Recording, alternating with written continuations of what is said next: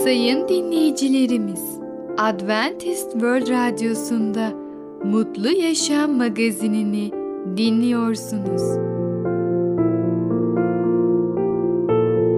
Mutlu Yaşam magazinine hoş geldiniz.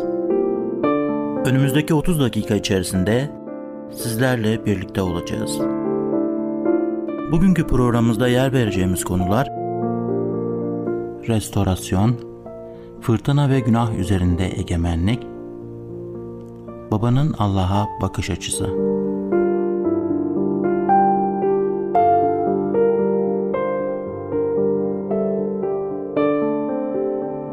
Adventist World Radyosu'nu dinliyorsunuz. Sizi seven ve düşünen radyo kanalı. Sayın dinleyicilerimiz, bizlere ulaşmak isterseniz e-mail adresimiz radio.umutv.org radio.umutv.org Bizlere WhatsApp yoluyla da ulaşabilirsiniz. WhatsApp numaramız 00961 357 997 867 06 00961 357 997 867 06 Şimdiki konumuz restorasyon. Restorasyon nereden başlamalıdır? Merhaba değerli dinleyicimiz. Başarılı Yaşam programına hoş geldiniz. Bugün sizlere restorasyon hakkında konuşacağız. Biliyor musunuz Romalar 5. bölüm 10. ayette şöyle diyor. Çünkü biz Tanrı'nın düşmanları iken oğlunun ölümü sayesinde onunla barıştık. Yıllar önce bir restorasyon işinde çalıştı. Eski evleri ilk hallerine dönüştürüyordu. Hedef hiçbir zaman tadilat yapmak değil, restore etmekti. Onları modern iyileştirmelere yenilemek yerine mümkün olduğu kadar özgün hallerine dönüştürmeye çalışıyordu. Bizim için en önemlisi hakikilik, özgünlük, gerçek ve orijinallikti. Bu iş için gerçek ama kullanılabilir malzemeler bulmak için çok uğraşıyordu. Bugün kutsal kitaptan okuduğumuz ayette İsrail'i çok acıklı, zayıflamış bir durumda görüyoruz. Ama Tanrı onu önceki yücelik ve onuruna restore etmeyi vaat ediyor. İnsan özgün olarak Tanrı'nın benzerliğinde yaratılmıştı. Esenlik, güzellik, sevgi ve Tanrı'yla kusursuz paydaşlık her gün yaşadığı şeylerdi. İnsan suçluluk, çirkinlik, nefret ve Tanrı'nın huzurundan kovulma durumuna günahtan ötürü düşmüştü. Ancak Tanrı suçumuzun yerine esinliğe, çirkinliğimizin yerine güzelliğe, nefretimizin yerine sevimliliğe, Tanrı'dan uzaklaşmışlığımız yerine Tanrı ve halkıyla paydaşlığa sahip olmamıza yol açması için oğlu İsa'yı gönderdi. Sizin hayatınızda günahlarınızdan ötürü suçluluk duygusu ya da Tanrı'nın iyiliğini hatırlamanıza engel olacak şekilde cesaretinizi kıran durumlar ya da bir meşguliyet var mı? Biz de Davut'la birlikte Zebur kitabında yazıldığı gibi geri ver bana sağladığın kurtuluş sevincini Mezmur 51-12 diye dua edelim. Gerçekleştirdiği restorasyonlardan ötürü yüce yaratana övgülerimizi sunalım. İnsanlar tadilat yaparlar ama ancak Tanrı restore edebilir. Biliyoruz ki Mesih imanlısı Rab İsa Mesih'e iman ettikten sonra yeniden doğuşu yaşıyor. Yeniden doğmuş kişi büsbüdün değiştirilmiştir. Kavuştuğu yeni yaşamın yani yanı sıra yeni amaçları, yeni istekleri, yeni hedefleri, yeni davranışları ve özellikle Tanrı ile İsa Mesih ile yepyeni bir ilişki vardır. Daha önce bahsettiğimiz eğer bir insan İsa Mesih'te ise yeni yaratıktır. Böyle bir kişi için eski şeyler geçmiş, her şey yeni olmuştur. Bunların hepsi Tanrı'dandır. Ayeti hatırlayalım. Yeniden doğuşa kavuşan kişinin yeni anlayışı vardır. Çünkü aklı yenilenmiştir. Tanrı'yla ve Tanrı'nın yarattığı insanlara karşı yeni bir sevgisi vardır. Çünkü yüreği temizlenmiştir. Temiz hayat yaşamak ve doğruluk işlemek için yeni bir yeteneği vardır. Çünkü iradesi yenilenerek gerçek anlamıyla erdemli olmuştur.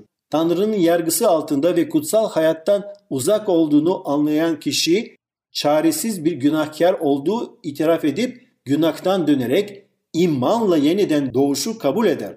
Kendi kendisini günahtan kurtaramadığını anlayıp Rab İsa Mesih'in onun yerine günahlarının cezasını çekmek için çarmıkta öldüğünü iman eder. Sonra imanla günahından kurtarması ve kendisine bu yeni ruhsal hayatı vermesi için Rab İsa'ya yalvarması Tanrı'nın isteğidir.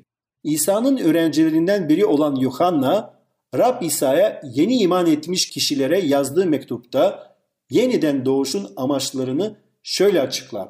Yeniden doğmuş kişi kutsal ve doğru bir hayat yaşar. Doğruluk işleyen herkes Tanrı'dan olduğunu da bilirsiniz diye 1. Yuhanna 2.29. Ruhsal doğuşa kavuşmuş kişi günahlı yaşam sürdürmez. Günah işleyemez çünkü Tanrı'dan doğmuştur. Tanrı'dan doğan kişinin günah işlemediği biliriz. Fakat Tanrı'nın oğlu onu korur ve kötü olan şeytan ona dokunamaz. Yeniden doğan kişi sevgiyle dolu bir yaşama başlar. Sevgili kardeşlerim diyor kelam. Sevgili kardeşlerim birbirimizi sevelim. Çünkü sevgi Tanrı'dandır ve seven kişi Tanrı'dan doğmuştur ve Tanrı'yı bilendir diyor 1. Yuhanna 4.7.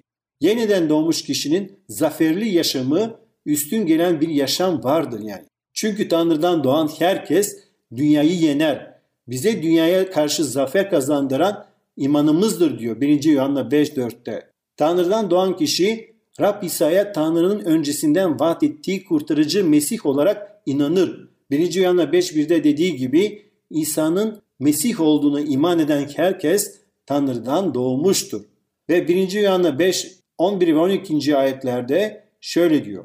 Tanıklık da şudur. Tanrı bize sonsuz yaşam verdi. Bu yaşam onun oğlundadır.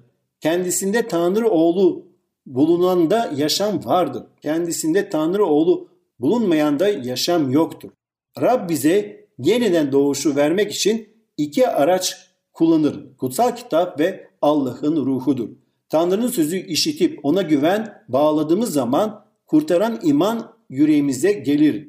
Tanrı'nın diri ve kalıcı sözü aracılığıyla yeniden doğdunuz, birbirinizi yürekten ve içten seviniz. Tanrı kendi büyük lütfuna göre İsa Mesih'in ölülerden dirilişi ve dirilişi ile bize diri bir ümide yeniden doğurttu diyor.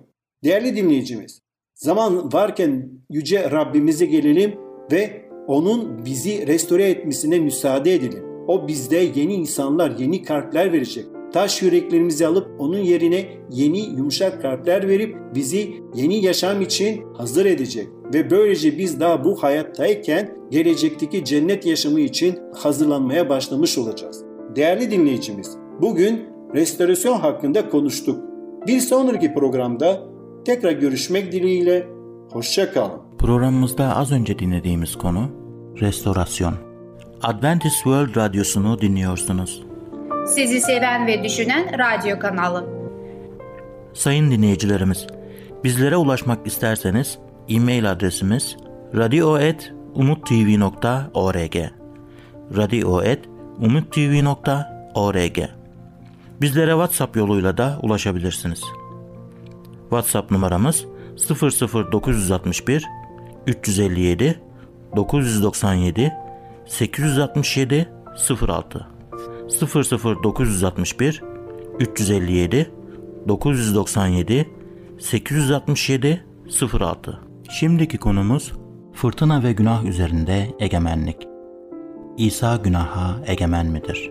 Merhaba ufaklık. Ben Fidan. Kutsal Kitaptan Öyküler programımıza hoş geldin. Bugün seninle birlikte fırtına ve günah üzerinde egemenlik adlı konumuzu öğreneceğiz. Öyleyse başlayalım. fırtına ve günah üzerinde egemenlik. İsa kendisiyle birlikte yolculuk etmeleri ve ondan öğrenmeleri için yanına 12 adam seçti. Aynı zamanda İsa'yı izleyen çok sayıda kadın vardı. Onlar İsa ve onun öğrencilerini onlara yiyecek ve para vererek desteklediler. Ona iman edenler için İsa'nın çağrısı basitti. Beni izleyin. Ama onun çağrısı aynı zamanda bir bedele de mal oluyordu. Annesini ya da babasını beni sevdiğinden çok seven bana layık değildir. Oğlunu ya da kızını beni sevdiğinden çok seven bana layık değildir diyordu. Onun öğrencilerinden birkaçı balıkçı olduğu için İsa günlerini sık sık Celile Gölü'nün kıyısında geçirdi. Yakınlardaki ve uzaklardaki insanlar onun yanına geldiler. İsa göl kıyısında halka yine öğretmeye başladı. Çevresinde çok büyük bir kalabalık toplandı. Bu yüzden İsa göldeki bir tekneye binip oturdu. Bütün kalabalık göl kıyısında duruyordu. İsa o gün verdiği öğretişi bitirdikten sonra öğrencilerine karşı yakaya geçelim dedi. İsa zaten teknenin içindeydi. Böylece kalabalığı arkalarında bırakarak yola çıktılar. Bu sırada büyük bir fırtına koptu. Dalgalar tekneyi öyle bir bindirdi ki tekne neredeyse suyla dolmuştu. İsa teknenin kıç tarafında bir yastığa yaslanmış uyuyordu. Öğrenciler onu uyandırıp "Öğretmenimiz, öleceğiz. Hiç aldırmıyor musun?" dediler. İsa kalkıp rüzgarı azarladı. Göle "Sus, sakin ol." dedi. Rüzgar dindi. Ortalık süt liman oldu. İsa öğrencilerine "Neden korkuyorsunuz? Hala imanınız yok mu?" dedi. Onlar ise büyük bir korku içinde birbirlerine "Bu adam kim ki? Rüzgar da, göl de onun sözünü dinliyor." dediler. Bir gün dört adam İsa'nın bulunduğu eve felçli bir adamı üzerinde yattığı şilteyle birlikte taşıyarak getirdiler. Bu dört adam kalabalık yüzünden ona yaklaşamadıkları için bulunduğu yerin üzerindeki damı dilip açarak felçli adamı üstünde yattığı şilteyle birlikte aşağı indirdiler. İsa onların imanını görünce felçli adama oğlum günahların bağışlandı dedi. Orada oturan bazı din bilginleri ise içlerinden şöyle düşündüler. Bu adam neden böyle konuşuyor? Tanrı'ya küfrediyor. Tanrı'dan başka kim günahları bağışlayabilir? Akıllarından geçeni ruhunda hemen sezen İsa onlara aklınızdan neden böyle şeyler geçiriyorsunuz dedi. Hangisi daha kolay? Felçliye günahların bağışlandı demek mi? Yoksa kalk şilteni topla yürü demek mi? Ne var ki insanoğlunun yeryüzünde günahları bağışlama yetkisine sahip olduğunu bilesiniz diye. Sonra felçliye sana söylüyorum kalk şilteni topla evine git dedi. Adam kalktı şiltesini topladı ve hepsinin gözü önünde çıkıp gitti. Herkes şaşa kalmıştı. Tanrı'yı övüyorlar. Böylesini hiç görmemiştik diyorlardı. Yasa öğretmenleri, dinleri ve gururları yüzünden körleşmişlerdi. Akıllarından şu düşünceleri geçiriyorlardı. İsa, sen bir küfürbazsın. Tanrı'ya hakaret ediyorsun. Çünkü günahları bağışlayabileceğini iddia ediyorsun. Ama günahları yalnızca Tanrı bağışlayabilir. Günahları yalnızca Tanrı'nın bağışlayabileceğiyle ilgili düşüncelerinde haklıydılar. Ama İsa'nın kim olduğu konusunda verdikleri karar yanlıştı. Evet ufaklık, fırtına ve günah üzerinde egemenlik adlı konumuzu dinledin. Bu konuyla İsa'nın korkunç fırtınalara ve korkunç günaha karşı egemenliği olduğunu öğrenmiş oldun. Sen de bu güce inan. Bir sonraki programımızda tekrar görüşene kadar kendine çok iyi bak ve çocukça kal. Programımızda az önce dinlediğimiz konu Fırtına ve Günah üzerinde egemenlik. Adventist World Radyosu'nu dinliyorsunuz. Sizi seven ve düşünen radyo kanalı. Sayın dinleyicilerimiz, bizlere ulaşmak isterseniz e-mail adresimiz radio.umutv.org radio.umutv.org Bizlere WhatsApp yoluyla da ulaşabilirsiniz. WhatsApp numaramız 00961 357 997 867 06 00961 357 997 867 06 Şimdiki konumuz babaların Allah'a bakış açısı. Manoah gibi Allah'a bakacak olursak başarımız nasıl olacaktır? Değerli dinleyicimiz merhabalar. Ey Babalar adlı programıma hoş geldiniz. Ben Ketrin. Bugün sizlerle birlikte konuma devam etmek istiyorum ve konumun da başlığı babanın Allah'a bakış açısı. Önceki programda Monah'la ilgili de anlatmam. Monah'ın hiç çocuğu yoktu ve çocuğun olmasını Allah'tan çok istemişti. Allah onun duasını duydu ve ona bir çocuk verdi. Peki bu çocuğun nasıl bir eğitim verecekti bilmezdi.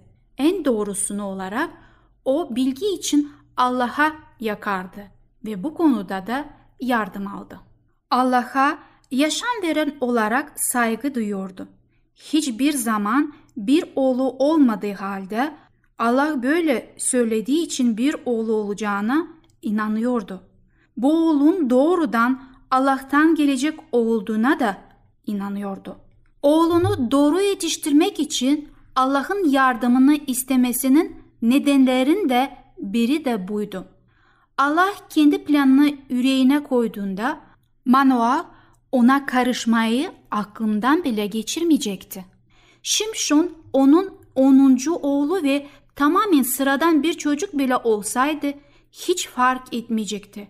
Bir çocuğun hayatını kutsal kılan çocuğun kim olduğu değil, o yaşamı veren Allah'ın kim olduğudur. Bizim de doğumdan önceki yaşama bakışımız Monahinki gibi olmalıdır.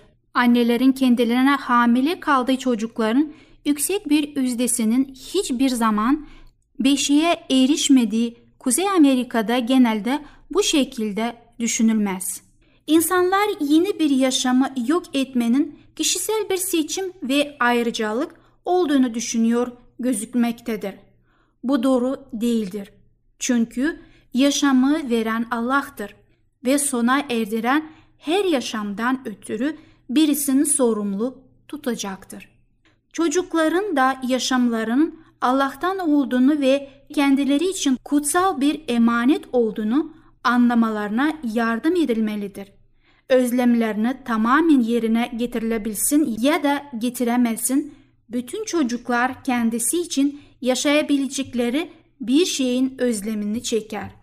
Bu arzuyu sadece Allah tamamen tatmin edilebilir. Bizim onları Allah'a yönetmemiz lazımdır. Monah bu bakımdan Şimşon'u tatmin edebilirdi. Çünkü kendisinin de doğaüstüyle birinci elden deneyimi olmuştur. Her imanın babanın da olmuştur. Hepsi meleklerle konuşmamış olsa da hepsi Allah'la konuşmuştur. Tanrı yolundaki baba Allah'ın yardımıyla başarıya ulaşacağına inanır. Eti duadan da gördüğümüz gibi Monah Allah'tan daha çok talimat almak istiyordu. Allah'tan gelen mesajcı daha sonra tekrar gözüktüğünde Monah ona şöyle sormuştu. Söylediklerin yerine geldiğinde çocuğun yaşamı ve göreviyle ilgili yargı ne olacak? Hakimler 13-12 Bazen insanlar kendilerine o ana kadar vermiş olan talimatlardan hoşlanmadıkları için daha başka talimatlar isterler. Ama monahta farklı bir ruh görüyoruz. Hazırız. Bize sadece ne yapmamız gerektiğini söyle dediği böyleydi. Allah'a büyük bir güven duyuyordu. Allah'ın her şey halledeceğine inanıyordu. Bizim şimdi içinde yaşadığımız dünya, monahın yaşadığı dünyada daha tehlikeli ve iç karartıcıdır. Politik ve ekonomik bakımdan o kadar hızlı dönüp değişir ki tehlikelerin bile aynı akacağından emin olamayız. Zamanın sonunun bulutları toplanmaktadır. Allah ve onun bize verdiği çocuklarla sadık kalmamız konusunda derin endişeler vardır. Ama Allah'ın bütün bunlara hazırlıksız yakalandığını düşünmemeli ya da böyle bir varsayıma göre davranmamalıyız. Kutsal kitap bunu önceden bildirilmişti. Hatta bize insanlar korkudan bayılacak demişti. Luka 21. bölümde 26. ayette bu sözleri bulabilirsiniz. Bırakın Allah yolunda yürümeyen adamlar korkudan bayılsınlar. Allah yolunda yürüyenler İsa'nın işte ben dünyanın sonuna dek her an sizinle birlikteyim sözlerini bulabilirsiniz Matta kitabında 28. bölümde 20. ayette dediğinde babaları ve çocukları da bu vaadine dahil ettiğine inanır. Allah'ı tanıyan tapınmanın kuvvetlendirici gücünü bilir. Melik oradan ayrılmadan önce Monah onun için yiyecek hazırlamak istiyordu. Melik bunu istememiş. Bunun yerine Rabbi bir kurban sunmasını önermişti. Monah bunu hemen memnuniyetle yapmıştı. Kısa bir süre sonra üstleneceği babalık görevlerini dağılıp bunu unutabilirdi. Bazı babalar görevlerine o kadar yoğunlaşırlar ki tapınmanın kendilerine ne kadar kuvvet kazandıracağına anlamazlar. Tanrı yolundaki babalar Tanrı'ya her gün tapındıkları halde her zaman daha üstün dinimlerinde ihtiyaçları yoktur ya da bunu aramazlar. Özel ziyaretler ve vahiler olsa da olmasa da Allah'a sadık bir biçimde hizmet ederler. Bildiğimiz kadarıyla bu meleğin monahı son ziyaretiydi ama yeterliydi. Monah bu olayda aldığı kuvvetle sadık bir baba olarak görevin yerine getirmişti. Değerli dinleyicimiz, Monah sıradan bir insandı ama tarihte onu farklı kılan Allah'a yakınlığı ve Allah'ın isteğini yerine getirme hazırlığı. O nasıl her gün kendini Allah'a adadıysa, çocuk konusu gündeme geldiğinde daha fazla açıktı Allah'tan nasihatler almayı. Bugün Monah gibi biz de davranacaksak, çocukların hayatlarında çok güzel sonuçları alabiliriz. Değerli dinleyicimiz, Babanın Tanrı'ya Bakış Açısı adlı konumuzu dinlediniz. Bir sonraki programda tekrar görüşmek dileğiyle. Hoşçakalın. Programımızda az önce dinlediğimiz konu babaların Allah'a bakış açısı. Adventist World Radyosu'nu dinliyorsunuz. Sizi seven ve düşünen radyo kanalı. Sayın dinleyicilerimiz, bizlere ulaşmak isterseniz e-mail adresimiz radio.umutv.org radio.umutv.org Bizlere WhatsApp yoluyla da ulaşabilirsiniz. WhatsApp numaramız 00961 357 997 867 06 00961 357 997 867 06 Gelecek programımızda yer vereceğimiz konular tuz, beslenme miktarı, babanın çocuklara bakışı. Mutlu Yaşam Magazini adlı programımızı her cumartesi aynı saatte dinleyebilirsiniz. Bir programımızın daha sonuna geldik. Bir dahaki programda görüşmek üzere, hoşçakalın.